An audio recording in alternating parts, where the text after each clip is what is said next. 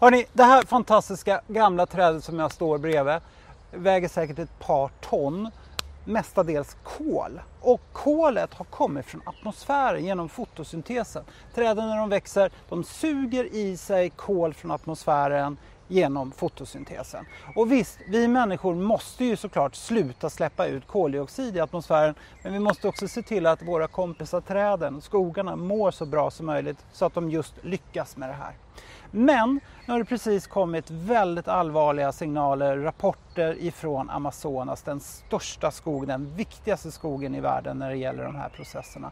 Som tyder på att på grund av skogsskövling och ett varmare klimat så börjar det bli mer och mer områden som börjar torka ur.